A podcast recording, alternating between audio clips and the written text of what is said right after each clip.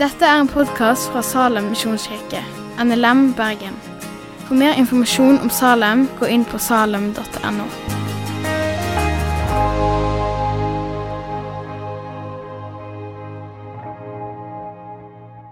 Og Jeg har veldig lyst til å bare benytte anledningen til å understreke det Kristin sa om betydningen av søndagsskolearbeid. Det er så viktig. Og Hvis du er en sånn type som trenger litt forskning for å tenke at ja, noe er viktig, så kan jeg si det at Barna Group har vist da at det er vinduet mellom 4 og 14 år. Da tar alle, ikke alle, men veldig, veldig mange, bestemmelsen om de skal være kristne eller ikke, om de skal tilhøre en annen religion. 4 til 14 år. Det sier noe om hvor vi skal sette inn støtet. Og det er i søndagsskolen. Parentes slutt. I dag skal vi ta for oss søndagens tekst. Og Den står skrevet i evangeliet etter Lukas i kapittel 18, vers 35 43. Og Vi skal lese det, og vi kan godt reise oss for Guds ord. Da Jesus nærma seg Jeriko, satt en blind mann ved veien og tigga. Mannen hørte at det var mye folk på veien, og spurte hva som sto på. De svarer, 'Det er Jesus fra Nasaret som kommer forbi.' Da roper han, 'Jesus, du Davids sønn, miskunna deg over meg.' De som gikk føre, taler hardt til han og ba han teie. Men han roper bare enda høyere. 'Du Davids sønn, miskunna deg over meg.' Jesus stansa og ba de leie den blinde til han. Og da han kom nærere, spurte Jesus han, 'Hva vil du jeg skal gjøre for deg?' 'Herre, la meg få synet att', svarer han. Jesus sa til han, 'Du skal bli sjående, Trua di har frelst deg.' Straks kunne han se, og han ga seg i følge med Jesus og lova Gud. Og alt folket som så det, prisa Gud. Herre, ditt ord er sannhet. Hellig oss i din sannhet. Amen. Så god sitt. Før vi går inn i teksten og ser på den, så vil jeg bruke litt tid på rammene her. Hvor er vi? Hva tid er det dette skjer? Hva sammenheng står teksten i? Vi befinner oss altså ved byen Jeriko. Og Denne byen ligger nordvest for Dødehavet og øst for Jerusalem. Den ligger langs veien hvis du kommer fra Galilea i nord og skal til Jerusalem. Byen Jeriko er verdens lavestliggende by, 260 meter unna havoverflata.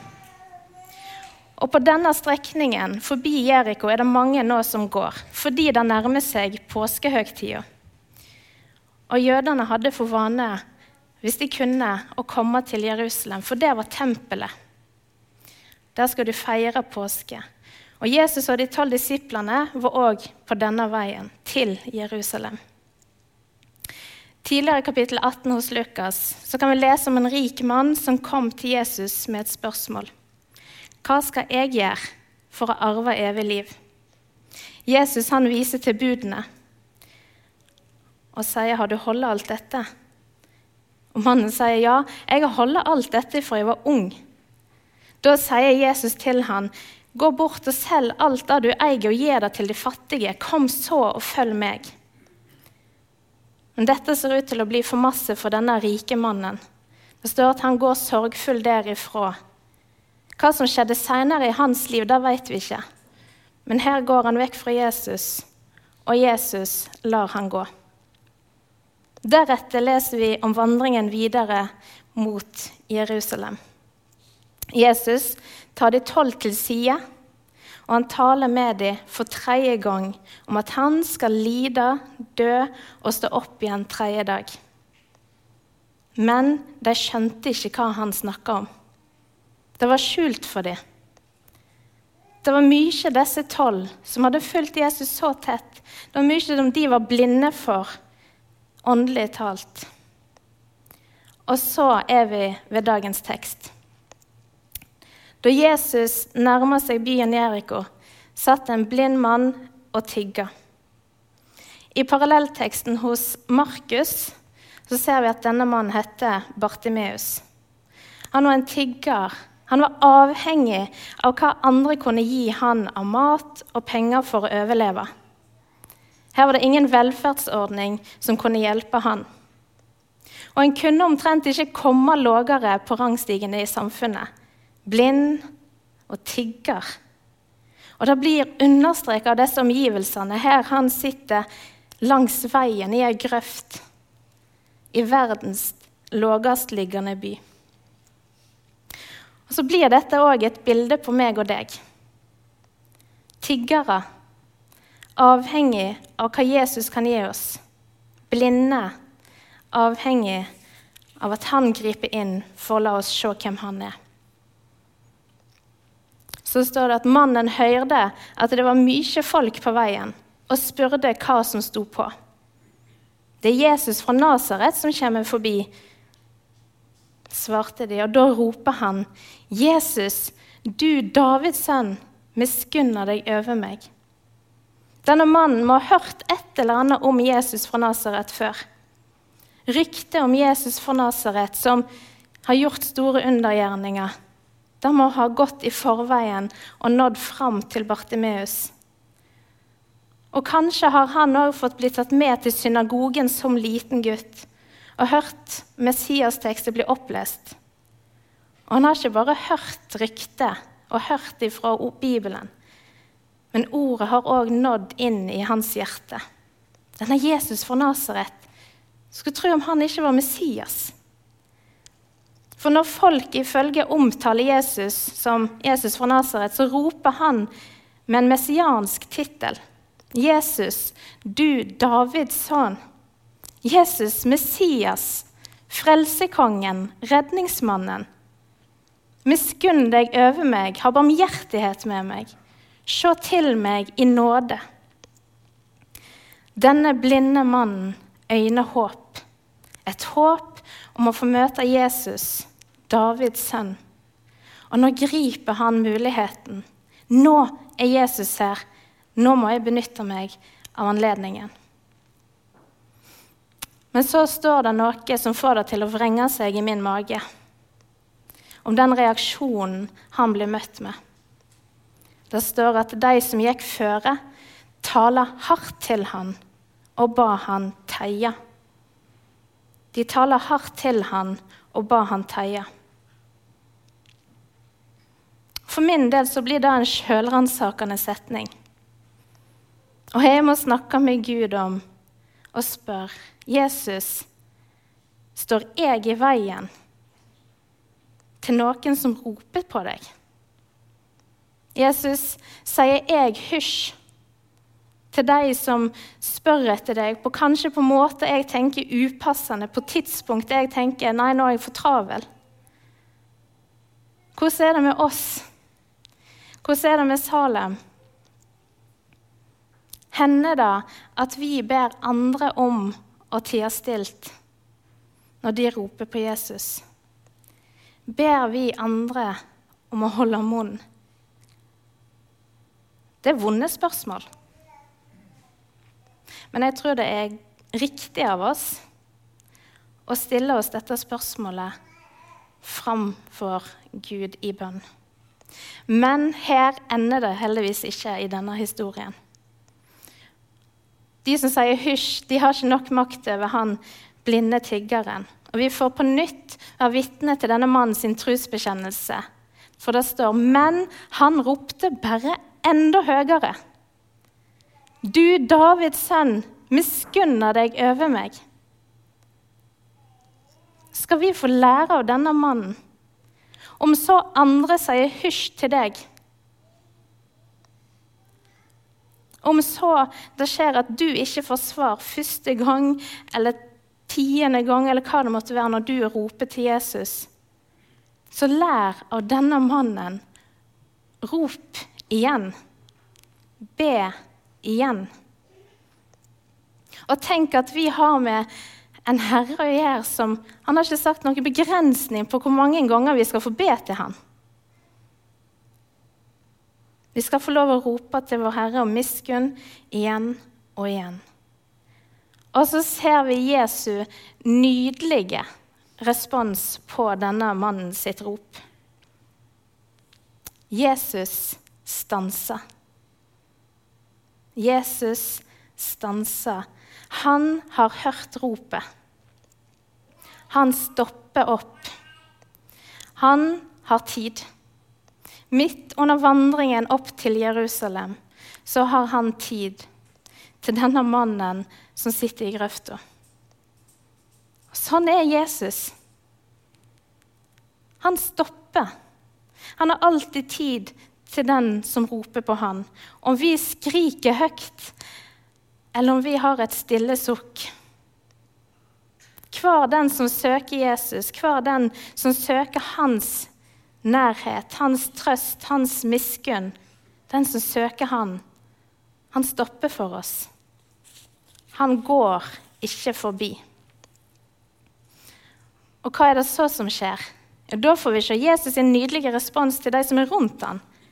For der står det at han ber dem om å lede den blinde mannen til seg. Jesus, altså, vår Herre, er en som gir folk, som gir oss nye sjanser. Nye sjanser når vi har bomma, når vi har misforstått, når vi har tenkt at vi vet bedre enn Jesus at vi må passe på Jesus, så gir han oss nye sjanser til å lære å kjenne hans hjerte. Til å leve etter hans vilje. For det kan godt tenke seg at de folka som akkurat har stått og sagt 'hysj, ti stilt', er akkurat de som får i oppgave av Jesus om å gå og hente denne mannen bort til Jesus. Og så får vi med da et glimt av Guds måte å bruke mennesket på. Jesus kunne ha valgt å gå bort til den blinde sjøl. Jesus kunne ha valgt å svare på hans bønn uten å møte han ansikt til ansikt. Han kunne gjort det uten å stoppe opp på hans vandring. Men Jesus velger en annen måte. Jesus velger å stoppe opp, og han velger her å bruke mennesket som sitt redskap til å lede noen til han. Og kanskje ble dette som en audmjuk lærepenge for folket. En mild korrigering av deres handling, de som nå har satt hysj. Så viser Jesus at jo, jeg, jeg har tid til han. Jeg vil møte han. Og da de hadde ført ham fram, spurte Jesus han, 'Hva vil du jeg skal gjøre for deg?' Den allvitende Jesus han er òg den ypperste pedagog som velger å stille spørsmål. Jeg har lest en plass at Jesus stilte 307 spørsmål i evangeliene. Uansett tall så var det en viktig del av hans læremåte. Og så kan vi jo undre oss over Hvorfor spør Jesus dette spørsmålet til en blind mann? Er det ikke innlysende at han vil be om å få synet igjen? Men denne blinde mannen var òg en tigger. Han levde av å be folk om mat og penger, da de kunne avse. Og Sånn sett så ville det vært helt naturlig at han nå ville bruke denne anledningen, nå når det kommer masse folk forbi, og spør om de òg kan avse penger og mat til han. Men det at Jesus stiller dette spørsmålet, det gir mannen frihet og rom til sjøl å sette ord på sitt ønske. Og så viser spørsmålet òg Jesus sinnelag. Hva vil du jeg skal gjøre for deg? Det vitner om at Jesus kom for å tjene. Hva vil du jeg skal gjøre for deg? Tenk å få det spørsmålet av Jesus. Han ville tjene og ha med å gjøre med de menneskene som ingen andre ville kanskje møte blikket til. Jesus kom for å tjene de som har ingenting å stille opp med. Og så svarer den blinde mannen, 'Herre, la meg få synet att.' Og for tredje gang så får vi høre denne mannen sin trosbekjennelse. De to første rop og vitner om at han trodde at Jesus fra Nasaret han var Messias, frelsekongen. Og nå får han igjen tydeligere si tro på at Jesus fra Nasaret ikke er en hvem som helst. Men her er det en som er annerledes enn alle andre de som har gått forbi meg. Han har bedt andre om penger og mat, men her er det Messias. Og han har tro på at han kan gjøre mer enn å gi han penger og mat. Så når da Jesus spør hva vil du jeg skal gjøre for deg, så får ikke denne mannen bare frihet til sjøl å sette ord på sitt ønske. Men han får òg enda en mulighet til å vitne for de rundt på hans tro på at Jesus er Messias, og da har praktiske konsekvenser for hans liv. Kanskje kjente denne mannen til ordene fra profeten Jesaja. I kapittel 61, vers 1 og 2 der står det skrevet om Messias at Herrens ande er over meg, for han har salva meg til å forkynne en god budskap for fattige. Han har sendt meg for å rope ut at fanger skal få fridom, at blinde skal se, for å sette undertrykte fri og rope ut et nådeår fra Herren disse versene er også kjent fra Lukas kapittel 4, ofte omtalt som Jesu programtale. Jesus leste akkurat disse ordene i synagogen i Nasaret og sa at ved han, ved Jesus, har de blitt oppfylt. Det er han som er salva til å forkynne en god budskap. Det er han som skal rope ut at fanger får frihet, at blinde skal få se setter undertrykte fri og roper ut et nådeår for Herren. Kanskje er det disse ordene som klinger i bakhovet til Bartimeus når han har hørt om Jesus fra Nasaret. Kanskje han er Messias, og da må vel han kunne gjøre det sånn at jeg kan få, synet tilbake. Og så svarer Jesus på hans bønn. Du skal bli seende. Trua di har frelst deg. Og så skjer det akkurat sånn som Jesus har sagt. Den blinde mannen får synet. Det skjer et konkret under. Og samtidig så skjer det, dette skjer, så er det en viktig åndelig parallell her. For på et vis har denne blinde mannen vært mer seende enn veldig mange i dette følget til Jesus og disiplene, som med tanke på det jeg delte innledningsvis, at de forsto ikke hva Jesus snakka om. Det var skjult for dem. Han som var den blinde tiggeren, han hadde fått sett noe. Han hadde fått sett noe av hvem Jesus fra Nasaret var. Og kanskje ser det ut som at han eide et større håp. Kanskje vi må si en større desperasjon da han hører at Jesus kommer forbi enn hva den rike mannen gjorde i møte med Jesus. Han som spurte hva kan jeg gjøre? Kan det hende at det var, kan det hende at det er, enklere å sette håpet sitt til Jesus når alt annet virker håpløst? Når vi ser at 'jeg klarer det ikke sjøl'. Jeg klarer det ikke i egen kraft. Det kan være at noen sitter her og syns at denne teksten òg er vond, at det er sårt. Det å lese og det å høre om Bartimeus, som får et så konkret svar på hans bønn så raskt. Som blir helbreda, som får synet tilbake. Kanskje kjenner du på spørsmål som 'Hvorfor ikke meg, Jesus?' Eller 'Hvorfor ikke han eller hun?' Spørsmål som er fullstendig normale. Spørsmål som er djupt menneskelige, og som vi så absolutt har lov til å stille til Jesus. Og jeg skal ikke prøve å gi noe svar på dette her nå. Men jeg vil dele noen tanker om det som jeg opplevde sjøl å bli minnet om da jeg jobba med denne teksten.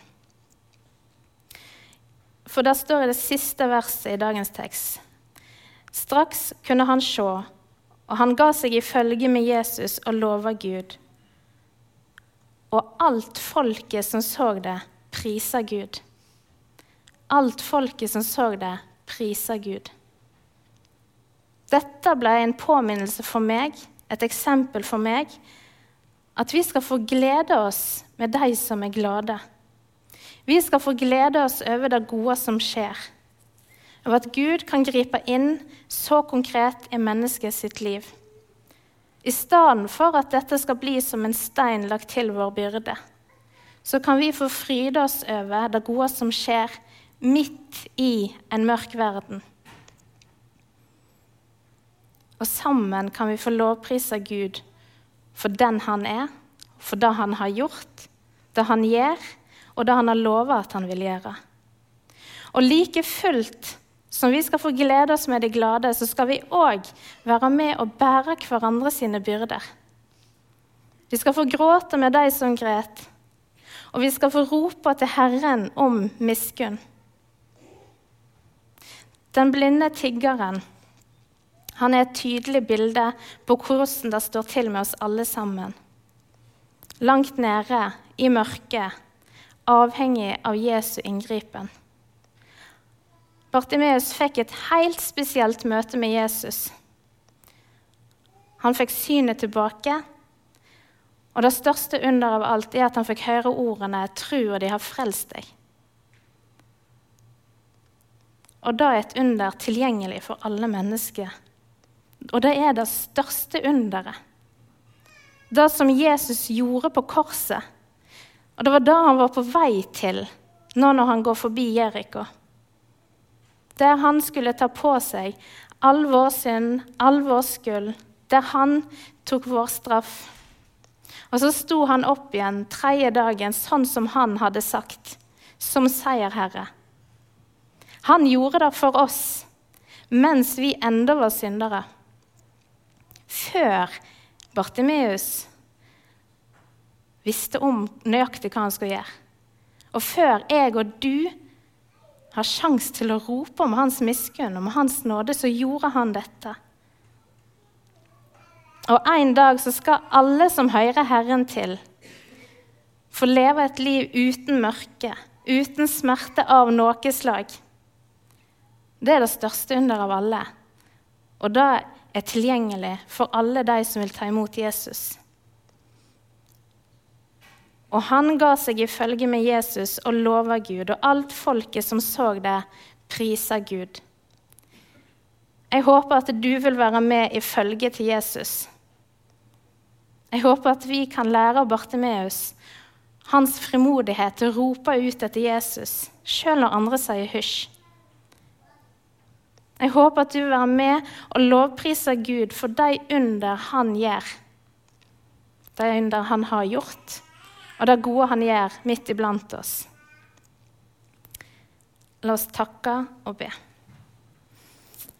Jesus, takk for at du har tid til den enkelte. Takk for at du hører den som roper på deg. Takk for at du stopper opp Jesus, takk for at du gir oss nye sjanser. Takk for at du bruker helt ordinære, feilbare mennesker til å lede andre til deg. Jesus, takk for at du spør hva vil du jeg skal gjøre for deg. Og takk for at du vil lytte til det vi har å si. Jesus, takk for at du, den allvitende skaper, herre over alt liv, at du kom og vil lede ved å tjene. Takk for at du er den store legen, og du kan helbrede. Jesus, takk for at du har makt til å frelse, til å tilgi oss, til å sette oss fri for det som binder. Jesus, takk for at du alltid har plass til flere i ditt følge. Jesus, takk for at det enda er nådetid. At vi enda kan få rope du Davids sønn, miskunner deg over oss. Jesus, deg tilhører makten og æren i all evighet. Amen. Takk for at du har hørt på podkasten fra Salem, Bergen. I Salem vil vi vinne, bevare, utruste og sende, til Guds ære. Vi ønsker å se mennesker finne fellesskap, møte Jesus og bli disippelgjort her i Bergen og i resten av verden. Vil du vite mer om oss, gå inn på salem.no.